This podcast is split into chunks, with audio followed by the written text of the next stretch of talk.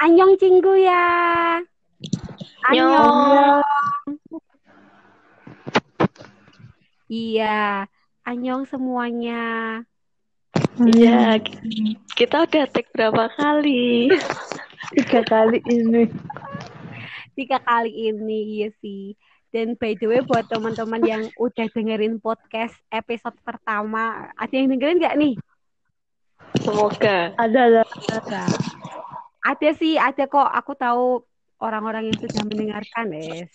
Iya kok ada beberapa yang udah ngomong sih. Iya. Iya, Jadi, banget. eh, terima kasih nih buat teman-teman yang udah dengerin, yang sudah mensupport podcast pertama kita. Mungkin mereka kasih kasihan sama kita katanya. Ah, tapi sebenarnya sih eh, mungkin yang udah dengerin episode 1 tuh di rekamannya atau di podcastnya kita bilang episode 2 ya. Karena emang buat eh, episode K-pop Gen 2 generasi 2 itu emang sebenarnya buat episode 2 sih. Jadi yang yang kita rekam ini itu buat episode 1, tapi karena ada kendala teknis ya mau gak mau kita tuker deh untuk uploadnya. Tapi gak apa-apa lah. Yang penting kita harus semangat ya nggak Fanny sama Rizka. Pasti harus semangat melawan sinyal. Namanya juga baru belajar ya kak. Iya, kita masih amatir. Iya masih amatir. Jadi mohon eh bukan mohon sih Jadi- ya. Hmm? Jadi harap Hmm. maklum dan Iya. harap diberikan feedback untuk kita supaya kita bisa lebih baik lagi. Iya. Apalagi lagi kok Di- apalagi lagi COVID kayak gini ya, jadi kayak kadang WFH atau nggak bisa ke mana-mana, jadi ya udahlah di kosan aja sambil bikin podcast, belajar bikin podcast. Kadang bosen juga nggak sih? Kalian ngapain nih kalau lagi bosen? Aku kalau bosen nonton dong. nonton lah. Apalagi Nonton apa nih? K-drama. K-drama, betul. Jadi kayak ini ya, apalagi Apa? apalagi ini ya, Ada iklan ya? Iya ada iklan. Kenalin nih guys, ada dari suaranya si Eneng cantik ya. Namanya Instagramnya mau mau enggak enggak enggak sini sini. Hai Rumet, Rumet, Rumet, kenalin Oke, oke. Kak, Next. Deh, deh, apa deh. Kak sama Stefani. Hai, roommate-nya Elin. Hai. Please. Iya jadi eh, pendengar setia katanya. Jadi setidaknya eh, di pandemi kayak gini kita lagi kayak bosen gitu ya. Kadang ada yang aduh nggak semangat nih buat menjalani kehidupan Asian bahasanya. Pokoknya Oh, kayak iya. semangat kehidupannya monoton, nggak bisa ke mana-mana atau mungkin ada masalah apa. Jadi dengan drama Korea ini ada beberapa yang mungkin bisa buat kita semangat gitu ya. Eh, ada nilai Mm-mm. bisa ditiru gitu buat wah eh, ada kayak apa ya motivasinya gitu kan. Jadi di episode ini kita bakal ngebawain eh, tiga drama re- Korea rekomendasi kita sih yang ya bagus jadi penyemangat. Ada Apa aja? Menurut kita ya. Ah, menurut kita versi Cinggutok. Apa aja yaitu em, boleh nggak dari aku dulu? Aku mau bawain yang sudah tamat nih. Iya, oke. Oke. Monggo. Oke, thank you Cinggu. Jadi eh, rekomendasi yang pertama itu drama Korea Record of Youth. Nah, ini dibintangi oleh Park Bo Gum. Dia ini tayang TVN dan juga Netflix. Ya. Nah, si ini itu eh, dibintangin tadi kan yang pertama Pak Bogem. Nah, dua pemeran utama yang lainnya itu ada Byeon Won Suk dan juga Pak So eh Pak Sodam. Ya benar Pak Sodam. Aku keli- keliru deh sama yang di Itaewon Class jadi bingung Park Sodam nah jadi sinopsis sinopsisnya ini si Park Bogum itu dia memerankan tokoh yang bernama Sahejun dan Iya. si Sahejun ini punya teman masa kecil yaitu Won Hyo yang diperankan oleh Byun Woo Suk. Nah, mereka berdua ini sama-sama nih profesi eh, berprofesi sebagai model. Cuman ada perbedaan nih kalau Sahejun itu dari keluarga yang ya bisa dikatakan mungkin biasa-biasa aja gitu ya. Bahkan orang tua dia nggak ada support nih buat punya karir di bidang entertainment, model maupun acting gitu kan. Beda dengan si Won Hyo. Nah, si Hyo ini dia dari keluarga yang berada plus mamahnya itu support buat jadi apa ya Pak? Artis. buat jadi artis gitu kan. Jadi karir satu step di atas Sahejun ini. Nah, si Pak Sodam ya. Nah, Pak Sodam ini dia pun eh, meranin tokoh yang bernama An Jong Ha. Si An Jong Ha ini dia itu ya, masih masih asisten asisten MUA gitu. Nah, di sini. Mua ya kisahnya gimana dia mengejar mimpinya jadi Mua dengan memake upin si eh, apa namanya Jun dan juga Heyo. Si Record of Youth ini kayak menceritakan gitu perjalanan ketiga orang ini dalam meraih mimpinya dan juga naik turunnya kehidupan berkarir dan juga percintaan. Gimana sih eh, percintaan versi orang dewasa gitu kali ya? Hmm. Pokoknya Dewasa secara mental. Secara mental. Yes, dewasa secara mental. Jadi buat teman-teman yang penasaran, yang belum nonton, kalau yang udah nonton berarti kita sama. Ya sih, tapi aku belum nonton sampai selesai sih. Hehehe. Aku baru sampai 14. Iya. Eh 15. Totalnya 16 episode bukan? Iya, aku sampai 15. Mm-mm. Rizka yang udah sampai selesai kayaknya. Nah, Gimana? iya. Oh iya, sorry, aku sambil ngetik. oh iya. Kalau nggak Gimana fokus, kalau nggak Iya. fokus didenda loh, Riz. Iya. Endingnya ya bahagia dengan apa? Dengan jalannya masing-masing kayak gitu. Nggak harus. Eh, nanti spoiler. Jangan Eh, jangan. Udah, pokoknya spoiler. buat teman-teman yang mau nonton bisa langsung nonton nih langsung cari di IG eh di IG di Telegram atau di Google lah buat nonton online si Record of You. Iya. Oke, Oh Record iya gitu. selanjutnya apa nih mau Rizka dulu apa Fani? Yang udah tamat dulu aja deh. Oke, Rizka. Silah. Oke, Arasu. Itaewon Class, wes. Ini lumayan hits juga sih ya. Kalau Itaewon Hit Class, Karena- ini. Iya, oh enggak sih kalau dengar Itaewon Class pasti satu hal yang terbesit di tem- di kepalaku. Nanon.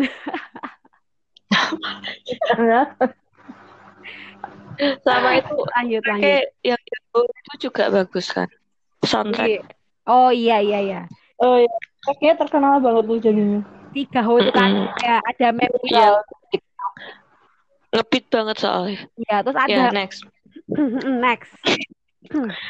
Itaewon Class itu diambil dari manga, eh, webtoon, webtoon. Dari webtoon dengan judul yang sama. Jadi webtoonnya itu udah hits duluan sih, makanya dibuat drama itu juga banyak yang nonton gara-gara webnya juga bagus, ya kan? Penulisnya juga sama yang di webtoonnya itu. Oke, cast-nya ya. Cast-nya itu ada Park Sojun, tentunya banyak yang ngidolain Park Sojun ya. Kalian Iya kalian. Iyalah, si Park Sojun ganteng. Park Sojun tuh di sini jadi Park Seroy. Marganya sama ya. Park Seroy, Park Sojun. Jadi ceritanya itu eh dia itu kayak mm, pemuda yang idealis tuh yang ciri khasnya potongan rambut kastanye kayak gitu kan. Potongan rambutnya kan lucu banget tuh. Iya benar.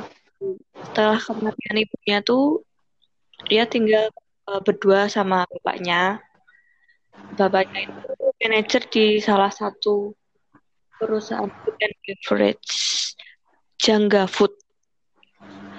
Nah, lalu itu dipindah tugaskan di suatu daerah. Otomatis si Pak Heru juga ikut pindah sekolah. Waktu itu masih SMA ceritanya. Nah, pas pindah sekolah, itu ada anak yang dibully kayak gitu, dibully sama seseorang, yaitu adalah Jang Geun Won. Jang Geun Won tuh anaknya bapak anaknya bosnya bapak eh anak. Anaknya bosnya bapaknya si Pak Serli ya jadi gitu. Nah dibully tuh nggak ada yang belain. Guru pun juga nggak ada yang belain. Nah si Pak Serli Pak Hero itu belain. Sampai mukul si Yang Genwon. Dan akhirnya kan sampai dipanggil orang tuanya. Nah si bapaknya Janggen Wong itu Jang eh, siapa? Jang eh ya, pokoknya bapaknya Wong itu malah gitu si Sero itu berlutut minta maaf gitu. Padahal kan dia ngebelain orang yang bener kan. Dia nggak mau juga. Dia nggak mau. Terus akhirnya malah bapaknya dipecat kan. Dipecat ya udah mereka. Isera juga keluar dari sekolah terus akhirnya bikin kayak restoran berdua tapi setelah itu malah si bapaknya tabrak lari kita yang nabrak ternyata juga Janggen Won itu hmm. terus meninggal nah udah jatuh tertimpa tangga nah setelah meninggal itu ternyata kan tahu kalau yang nabrak itu Jangan Won. Mm-hmm. Terus minta keadilan si Pak Heroi tapi ya namanya orang kaya gimana sih bisa tidak dari hukuman.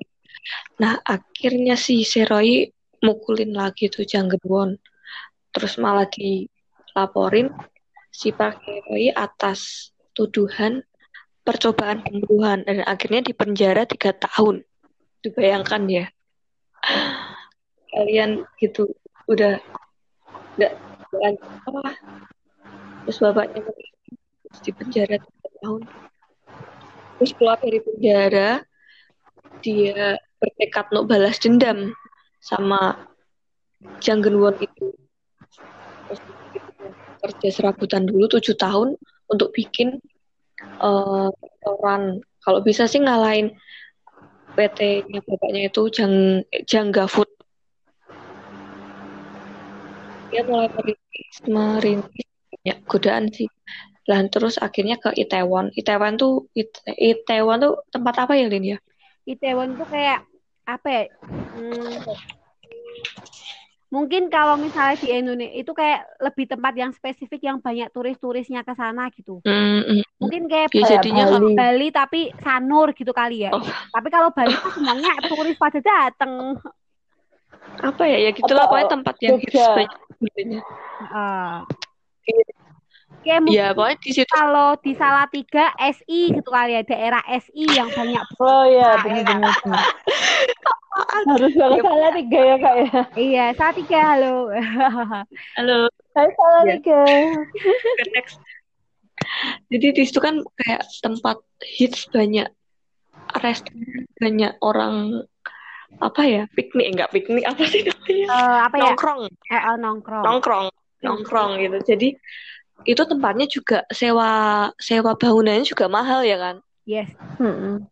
iya. Terus makanya tuh dia kerja serabutan itu nyicil nyicil itu banyak cobanya. Terus ketemu cinta pertamanya juga. Oh. Aswa ternyata dia juga malah udah kerja di Jangga Food. Di tempatnya Janggen itu. Dia ngisi Interupsi, Rizka iya. suaranya putus-putus. Oke, Araso. Ya begitu. Kayak, iya, kayaknya suara motornya Rizka lebih kenceng daripada suara Rizka. Kayaknya enggak suara dari motornya aku. dari tempatku deh. Iya. Oke, next. Sorry. Jadi begitu dia ketemu si first love-nya itu zaman SMA tapi dia ker- malah kerja di Jangga Food. Terus si Seroy kan curhat mau bikin ini ini, ini itu malah di EC. Oh. Tapi Di di EC. Terus dia bikin Oh iya Dina bener. Akhirnya bikin bikin bikin resto namanya kafe kafe apa resto ya itu? Ya gitu lah ya Kafe, kafe. Namanya Dan Bam. Bacanya gimana sih ya? Dan Dan Bam. Bam. Dambam. Dan Bam. Ya harapannya sih bisa ngalahin Jangga Jangga Food tapi ya masih lama lah prosesnya ya itu. Masih panjang. Ya banyak jatuh bangunnya. Terus dia akhirnya ketemu para karyawannya. eh siapa ya? Yiso. Yiso itu nanti Yiso. Ada Mahyun Hee yang transgender. Terus Yeah. ada Songkwon Apa ya? Sengkwon Me Sengkwon itu mantan roommate di penjara. Yeah. Ada Tony dia Tony Kim Afrika Korea, Yes. tapi nggak bisa bahasa Inggris. Ah. Terus ada malah ada adiknya Jang Geun Won. Jangan itu. Ya itu dia soalnya seneng suka sama si Yiso ya, akhirnya ngikut ke situ. Tapi si Seroy juga masih nerima dia, pa- padahal tahu kalau dia adiknya musuhnya ya bisa dibilang musuhnya ya. Mm-mm. Profesional. Dia nggak mau profesional. profesional ya itu yang bagus. Terus kita dari situ sih kita belajar untuk bisnis, dapat pelajaran berharga tentang bisnis ya. Per- perjuangan hidupnya, balas dendam si si Roy itu nggak nggak dia nggak balas dendamnya nggak yang jelek tapi yang memotivasi. Ya kan? Memotivasi dia belajar banyak mengenai bisnis secara umum. Iya. dan itu nggak sederhana sih. Kan awalnya si Sero itu seadanya lah kan juga dia ilmunya kurang kan ya. Mm-mm. dekorasi kayak gitu terus makannya juga kurang enak awal-awal si Mahyuni nggak bisa masak kan ada gitu nah setelah ada Yiso Yiso itu baru agak naik kan. si Yiso kan dia pinter IQ-nya tinggi tapi dia nggak lanjut kuliah kan dia Hmm. influencer juga terus dia akhirnya yang bisa ngoreksi makanannya nggak enak lah. Terus dia dekornya juga dibagusin layoutnya itu. Terus juga promosi lewat media sosial tuh yang paling penting kan yang bisa ningkatin pelanggan. Akhirnya followers followersnya kan tahu akhirnya tahu dia jadi terkenal.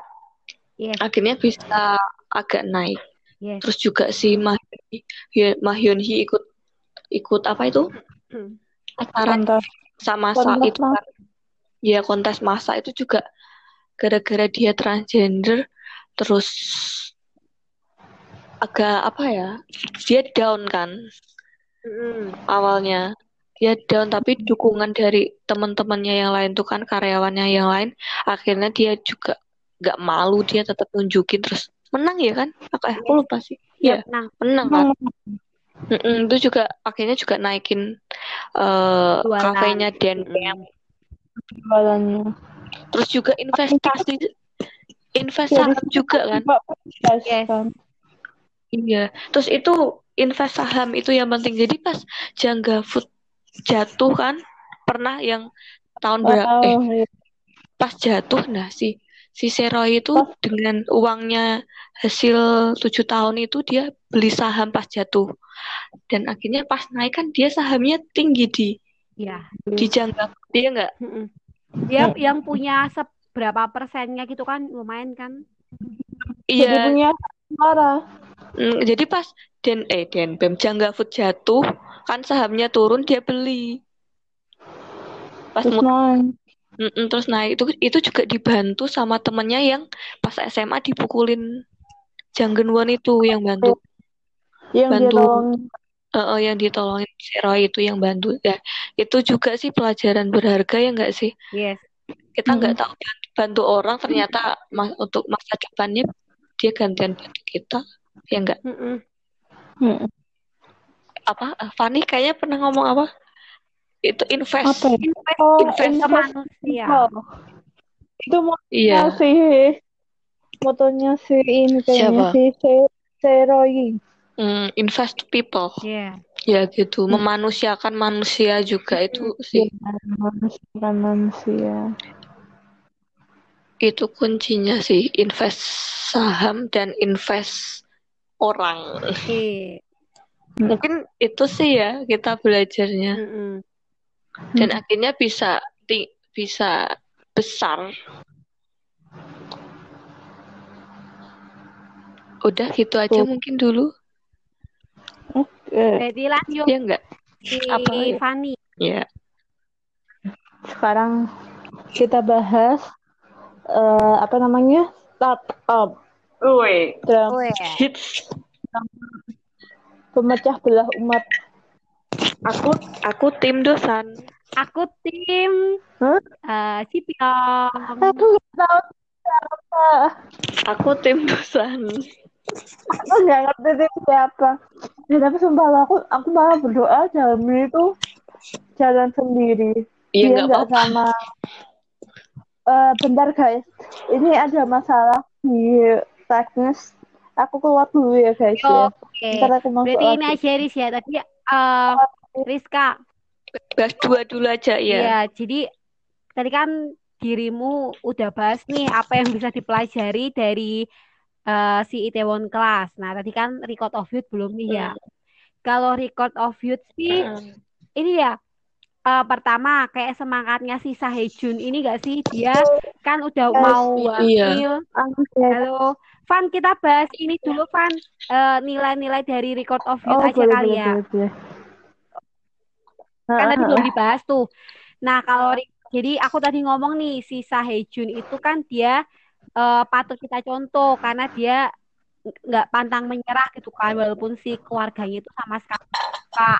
Terus dia selalu dibanding-bandingin sama si kakak kakaknya Eh, tapi dia tetap nih eh, apa ya kayak mencoba buat bisa jadi artis, bisa acting dengan baik dan dia juga totalitas kan, dia survei dulu, dia belajar di perpustakaan sebelum eh, nerima memainkan peran itu kan.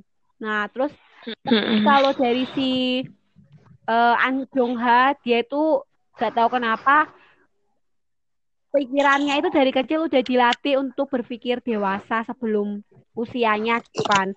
Jadi ya begitulah kayak kita ngerasanya ada perlunya juga sih kalau kita bisa bersikap ini apa namanya lebih dewasa gitu kan dari usia kita. Terus juga kayak ya udah kalau mau jadi apa yang kamu mau itu gak usah setengah-setengah si Pak Sodam si An Jong Ha itu kan sampai ngejual apa sampai resign terus mau ngejual rumahnya buat bikin studio make up gitu kan ya. Terus dia juga bener-bener merintis dari kecil yang dia bikin video-video tutorial make up make up orang-orang di jalan oh iya sini kalau mau aku kasih make up gratis, konsultasi gratis dan lain-lain. Nah, jadi benar-benar benar-benar dikerjakan mulai dari hal yang terkecil gitu kan. Nah, selain itu juga ini sih eh, mungkin kalau kita nanti jadi orang tua nih, ya eh, kita bisa niru dari si mamanya Hejun. Sebenarnya sih eh, dari keluarga sisi keluarga ya sisi orang tua dari Hejun sama dari sisi eh Heyo sih sebenarnya patut dicontoh semua ya, asal nggak ada yang terlalu berlebihan gitu kan. Dari sisi si Hejun kan gimana mamahnya itu kayak ya udah pokoknya terserah kamu mau jadi apa ya pokoknya itu terserah. Maksudnya dia nggak ada ikut campur semua keputusan ada di tanganmu gitu kan. Itu ada baiknya. Iya nggak sih? Jadi anak itu nggak merasa terkekang dan anak itu bisa menjadi sesuai apa yang diinginin gitu kan. Nah tapi nggak baiknya juga kayak apa ya kasihan juga nggak sih masa iya lu nggak ngerti anakmu mau jadi apa masa iya lu eh kayak apa ya kayak malah kayak itu nggak sih dengan karir dengan pencapaian anakmu itu Hmm. sampai sejauh mana Mm-mm. gitu Nah, kalau si bapaknya Hejun itu kan dia kayak orangnya gimana ya, Riz ya? Selesai. Eh, mere- Karepmu, sakarep. akar- meremehkan gitu loh, gak sukanya di situ kan. Iya. Di mana si Hejun kan nggak apa namanya? eh, dia kan belum sukses nih, masih bertahan, malah buru-buru wamil, terus malah diejek, malah nggak dapat perhatian yang perhatiin yang kakaknya doang padahal kakaknya apa salah cuman pegawai bank gitu ya nggak apa-apa sih tapi maksudnya nggak yang menunjukkan sukses-sukses apa jadi CEO kayak atau manajer kayak atau apa kayak gitu Mm-mm. Iya. jadi kayak aku nggak suka sih apalagi yang ini nih yang gara-gara kakaknya punya kerja terus dibikinin pintu baru sedangkan Hejun pintu Iya. sampai Heeh, bener tuh. pintunya sampai rusak eh Sampai rusak. Mm-mm. Tapi ya mungkin ada sisi baiknya juga sisi bapaknya itu kayak sebenarnya kan sa- khawatir sayang gitu sama anaknya tapi kayak cara Iya. sayangnya itu yang Salah. salah gitu kan nah terus kalau kita ngelihat si ma- eh, orang tuanya Heyo si mamahnya itu kan benar-benar mendukung nih sampai si Heyo itu bagaikan Itu robot bukan gitu kan. jadi mendukung, semuanya nih yang ngarahin pokoknya apa ya ya kayak yang ngarahin gitu loh maksudnya yang ngarahin semuanya malah mamahnya gitu loh kayak yang ngebukain jalan dan lain-lain. Jadi kayak anaknya tuh kita jadi kayak gak puas gitu kayak dikekang kayak kayak gak ada effortnya dari kitanya gitu loh ya nggak sih? Jadi kayak pencapaian yang kita peroleh itu kayak ya percuma gitu ya nggak tapi sih? ini Iya sampai beli follower itu. mama beli mamanya follower. Heyo tuh nggak percayaan gitu loh sama kemampuan anaknya ya nggak sih? Sedangkan seharusnya dia jadi orang yang paling percaya sama kemampuan anaknya Harus. harusnya sih bener apa yang Ya. dikatakan Fanny dan Fanny sekarang hilang guys Ah. Iya.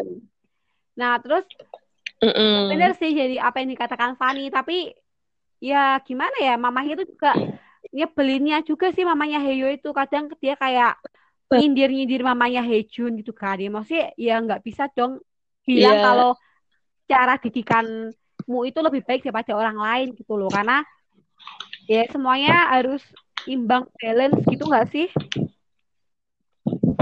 Mm-mm. Eh, nyebelin itu emang. Tapi juga lucu sih kadang iya tuh kalau pas sama mamanya mamanya Ya, Heyo oh. sama itu mereka iya, Hejun. mereka tuh hubungannya tuh gimana ya gemes oke lucu lah Yoris ya Eh, seben- sebenarnya itu mamanya si Heyo itu juga kayak iri sih sama mamanya Hejun ya enggak sih? oh iya iya Irinya tuh gimana ya? Irinya itu kan iya ya beda. ini soalnya Ya. rumput tetangga lebih hijau Riz makanya dia iri ke mamanya Hejun kan karena kayak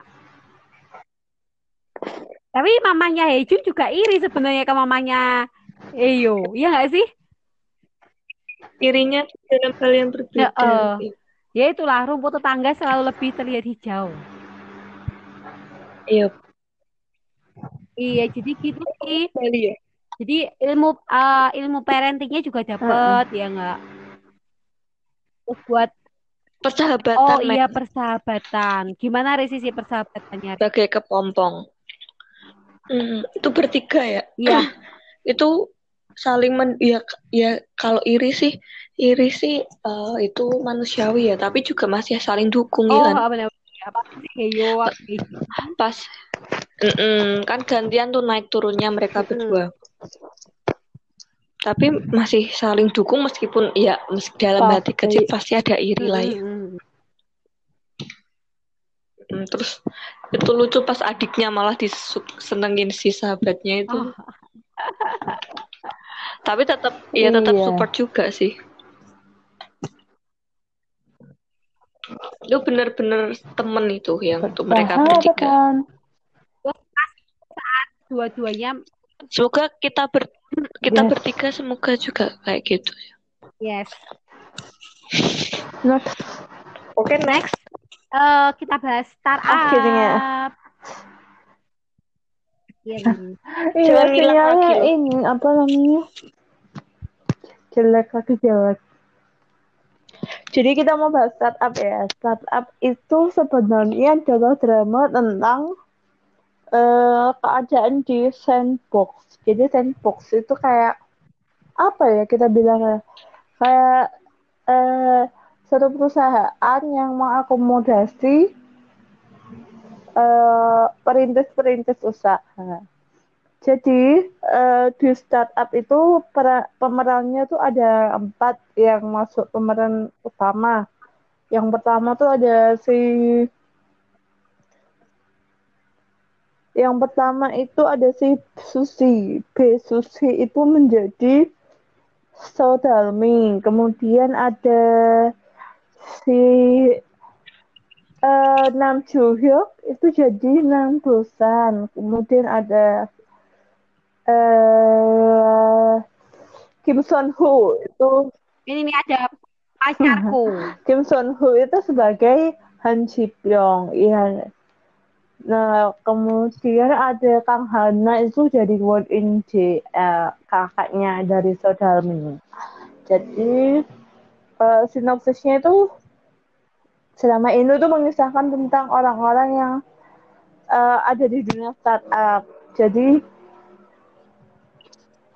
uh, si Dami ini perempuan yang memiliki cita-cita untuk menjadi pengusaha yang kaya.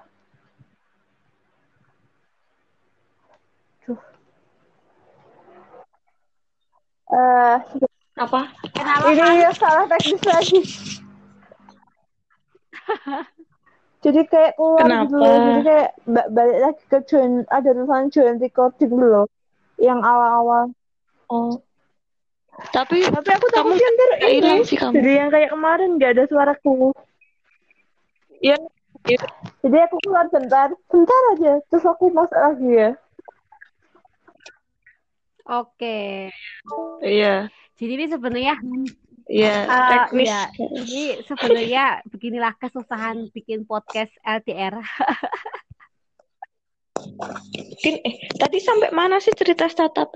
Ini sih sampai Fani ngejelasin uh, si Susi itu pengen jadi pengusaha yang sukses. Susi Dami, iya, si Dami. Dami. Mungkin itu biar biar Fani aja yang bahas ya. Aku pengen bahas ini sih. Iya nanti malah Enggak, double-double iya. ceritanya. Jadi Oh ini kembali dia. bahas Dalmi ya, jadi Dalmi itu si perempuan yang bercita-cita pengen jadi pengusaha kaya.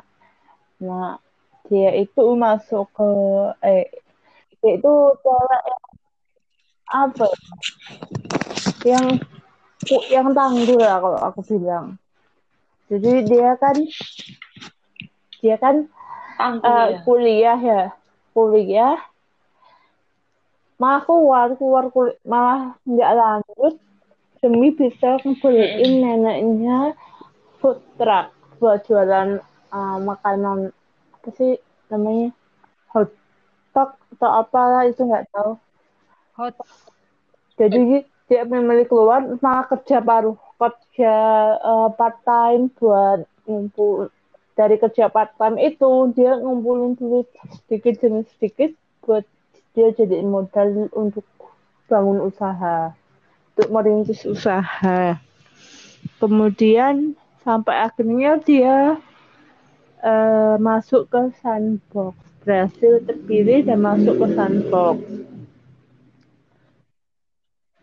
Terus apa lagi ya? Oh Sandbox. ini jadi Dalmi itu waktu masih remaja dia itu dapat surat yang dimasukin ke rumah-rumahan rumah-rumahan apa ya itu namanya ya? Ya rumah burung, Burung, yang dimasukin ke rumah burung. Nah pengirimnya itu Ram Dosan jadi mereka itu kayak sahabat pena kalau kita bilang zaman dulu ya. Surat-surat itu. Hmm, Oh. hmm. sampai akhirnya nah si Nam Dosan ini si Nam Juhyo itu sebenarnya eh dia itu eh seorang yang jenius banget. Sampai dia bisa masuk kuliah eh masuk kuliah ya di umur yang masih muda Yes. pokoknya masih muda banget waktu itu waktu itu dia menang olimpiade dan lain sebagainya sampai akhirnya dia gede dia bercita-cita mau merintis perusahaan, mau bikin perusahaan yang bergerak di bidang teknologi buatan kan ya, teknologi buatan kayak I, I, AI. E, AI atau IE? AI ya. Nah, teknologi Ada. AI. AI ada apa ya itu intelligent intelligent apa sih articular intelligent apa sih Nah. next next next next Cuman si Nam Dosan ini eh dia itu ah Nam Dosan ini nggak nggak nggak gitu pinter untuk untuk eh, mengatur strategi perusahaannya. Jadi selama dua tahun itu perusahaannya dia itu stuck. Stuck nggak nggak ada kemajuan nggak ada peningkatan signifikan dia bersama dua temannya membangun perusahaan.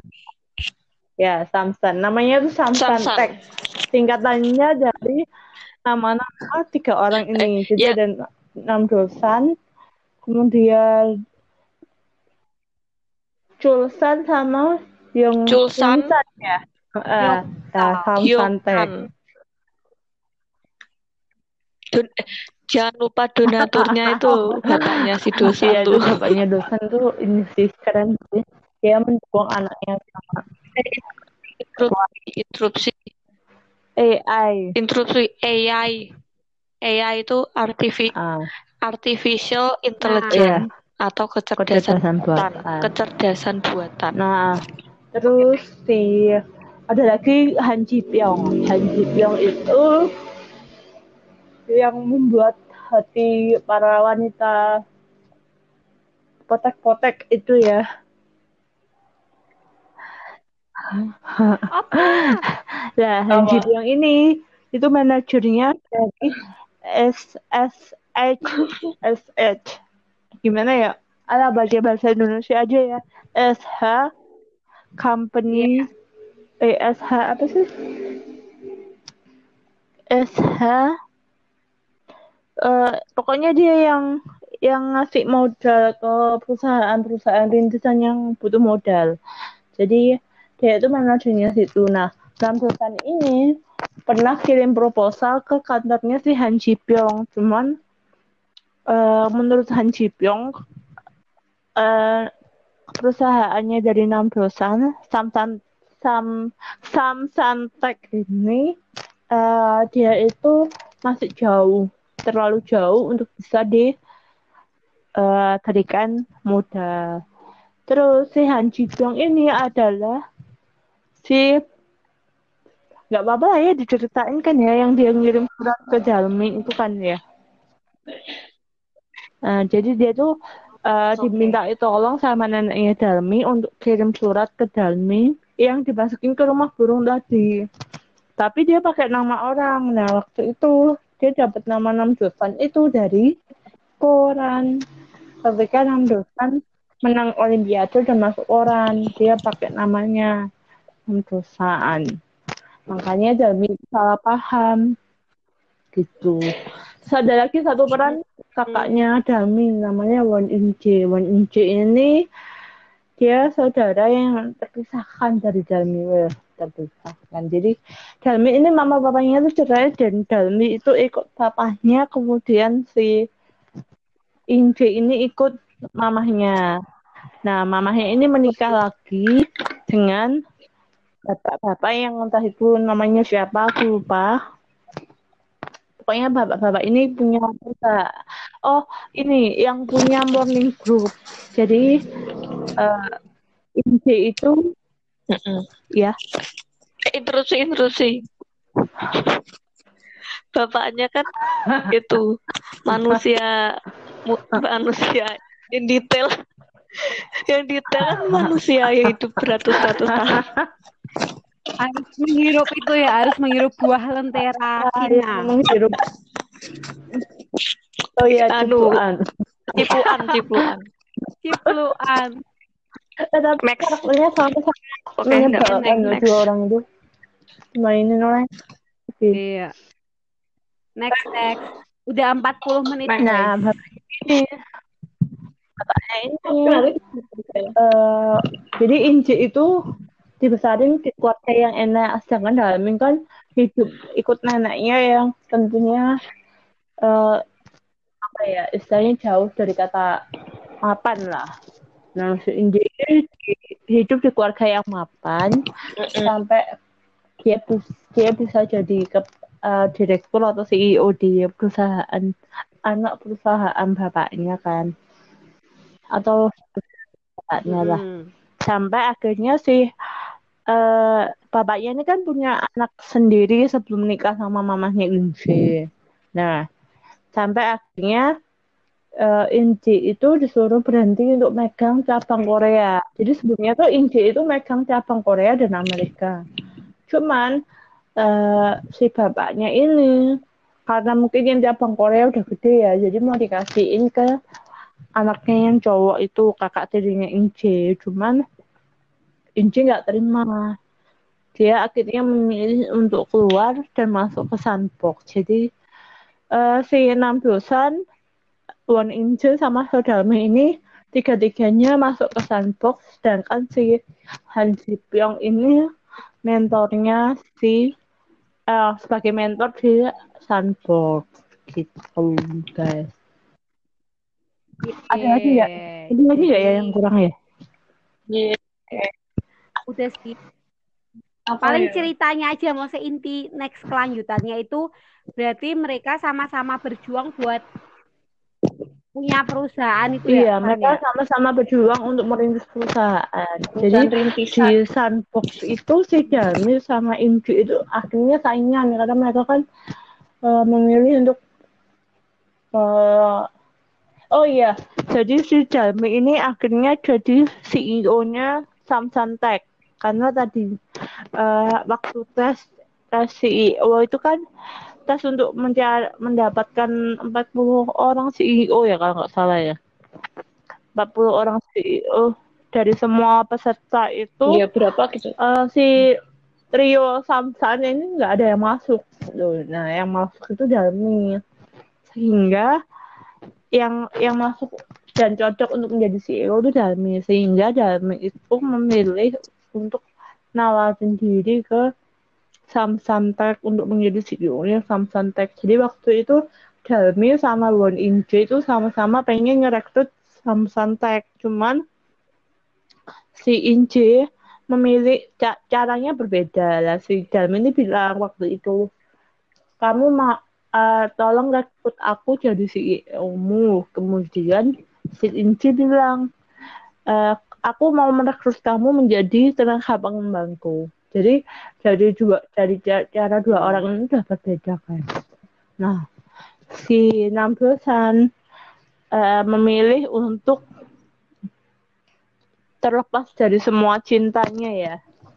Cinta cinta cinta itu si Namdosan ini memilih untuk memilih Jalmi untuk menjadi si IO di perusahaannya karena dia terkesan sama cara Dalmi menawarkan diri.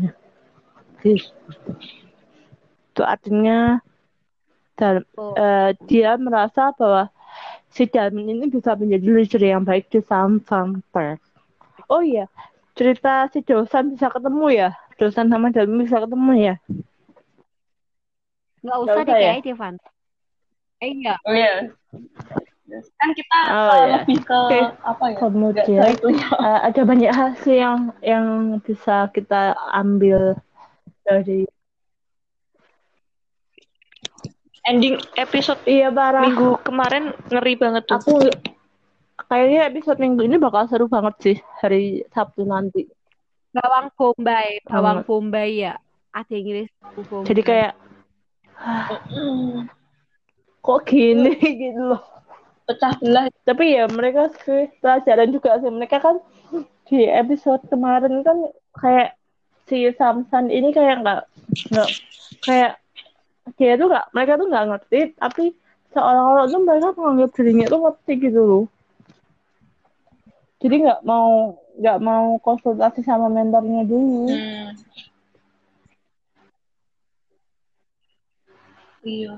Nah, like, Iya. masalah juga Heeh. agak ada Jadi- konflik kan, ada konflik. Mm-mm. Ada banyak sih yang bisa diambil dari satu. ini ya kisahnya startup banyak. Mm-mm. yang minggu, minggu kemarin minggu ini benar-benar kelihatan Terus nanti bisnis tuh kayak gimana ya kan saham to people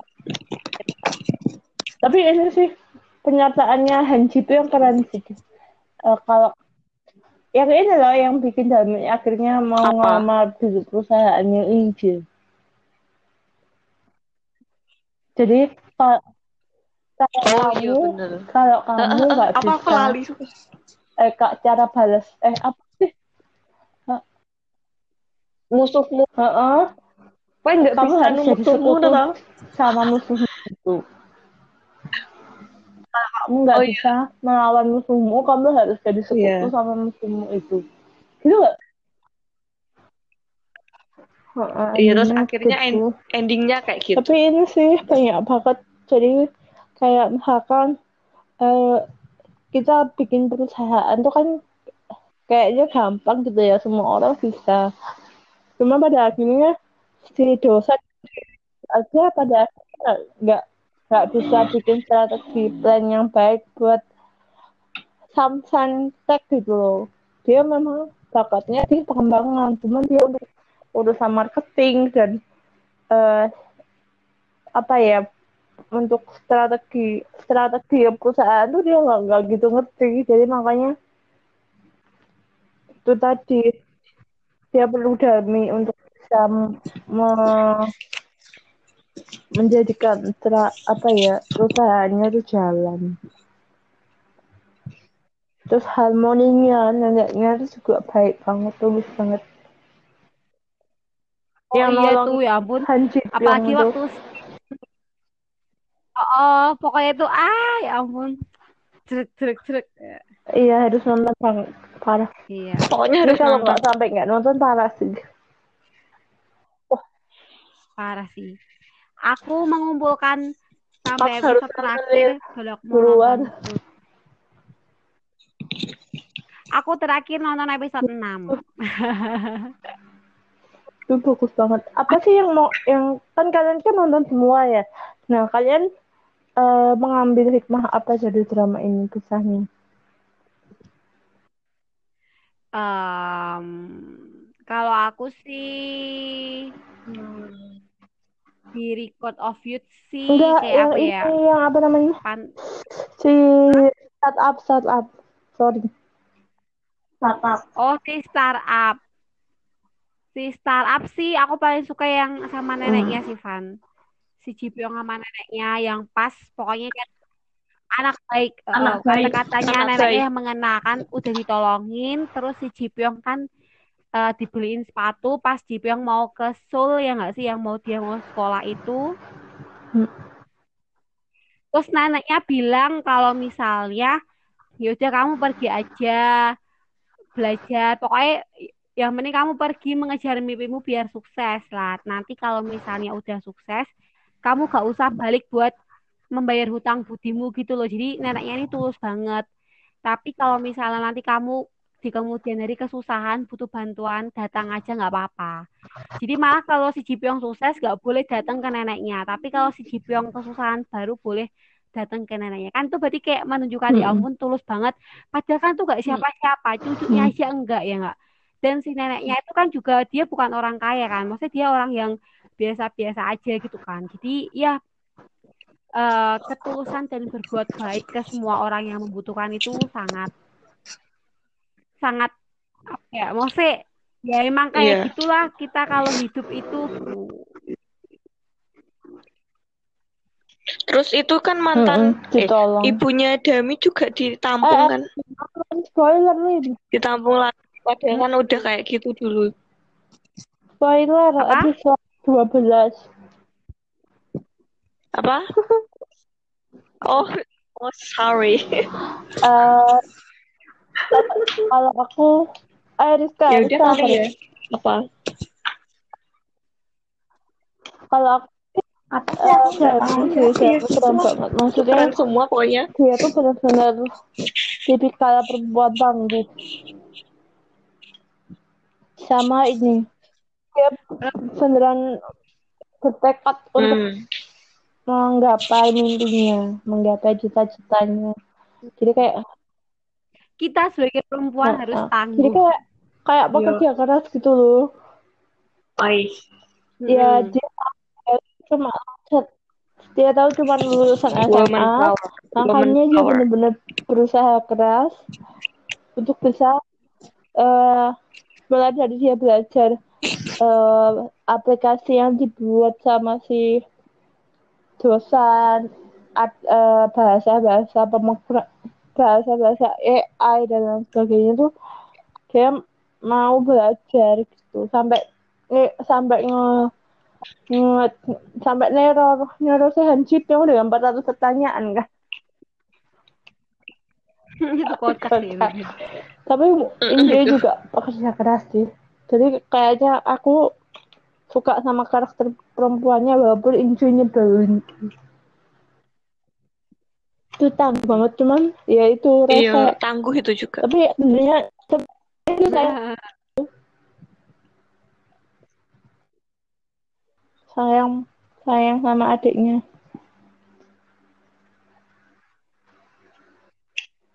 terus hmm, apa iya. Terus apa lagi ya ada lagi? Oh ini nih sama ini. dari dos eh satu Ya lagi. Dari dosan sama kawan-kawannya si Samsan Teksi tiga serangkai san. wah wah wah Oh Oh, eh, tidak pantang menyerah. eh, enggak sih lebih ke Pantang jangan merendahkan orang lain. yang waktu dia Oh memilih iya, oh iya, pas ragu ngomong. memilih jalmu Oh iya, kan.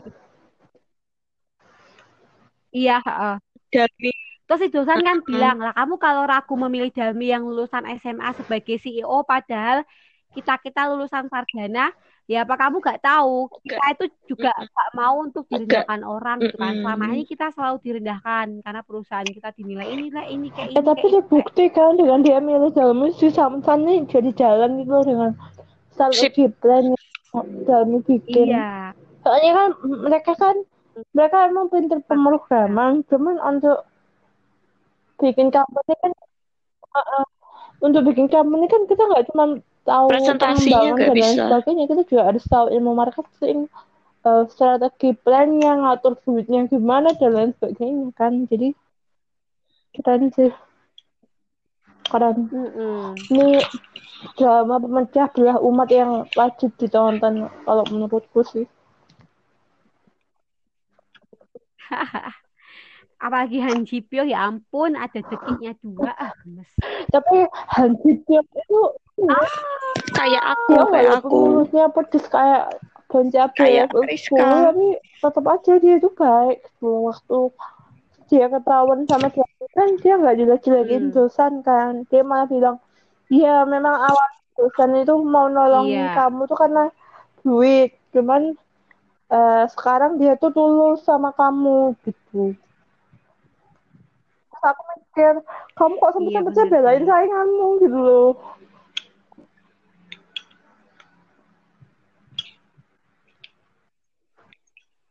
Tapi eh, Rizka, Han Ji Pyong kan punya dekik dua kayak kamu. Hmm? Berarti gak cocok sama Rizka. Soalnya ntar kalau punya anak dekiknya empat. tapi ini si si Kim Son Ho kan ikut Gak. Tujuh Planet kan nah setelah nonton Tujuh Planet tuh pandanganku tentang Kim Son Ho itu yang Mm-mm. yang ada di startup itu jadi buyar Tabu. semua Iya. Tabu. Iya benar-benar. Tapi ini damage-nya, auranya, kegantengannya masih sama ya gak? Cuma ini Anu, apalagi kalau poninya ke atas. asli saat Tapi aku penasaran. Ah. Iya, tapi aku penasaran sih, apakah emang karakter aslinya Kim Song Ho itu kayak yang di Tutis Wanet atau yang di Tutis Wanet itu juga dibikin? Kayak- Kita nggak tahu. kayaknya enggak sih kayaknya emang emang begitu Kayaknya enggak emang sih. agak-agak Emang aku orangnya gimana paku-paku. gitu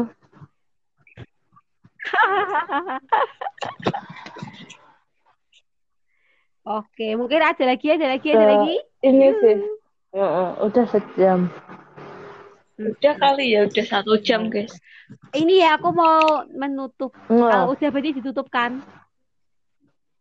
Nah, ini nih ada filsuf Iya. Sartre. Aku nggak tahu sih filsuf Sartre ini siapa. Tapi si Changmin pernah bilang kayak gini nih. Menurut filsuf Sar Sartre, eh, kita manusia hi- kehidupan manusia itu terdiri dari B dan D, di mana antara B dan D itu dihubungkan oleh C. Nah, B itu berarti birth lahir, D itu berarti ntar di akhir kan di ujung lahir birth, di akhir nanti ada death atau D dan di antara birth dan eh antara kelahiran B dan kematian D ini dihubungkan oleh C yaitu choice, pilihan hidup kan. Jadi kita mau hidup itu mau pilih nih lo tuh milih lo mau hidup entar jadi sukses atau entar lo milih jadi hidup ya udahlah gue hidup aja biasa-biasa aja Ya itu ter semuanya tergantung pilihan gak ada yang salah dan Iya. gak ada yang benar. Mantap. Oke, mantap. Jadi teman-teman sekian dulu podcast Iya. episode 2.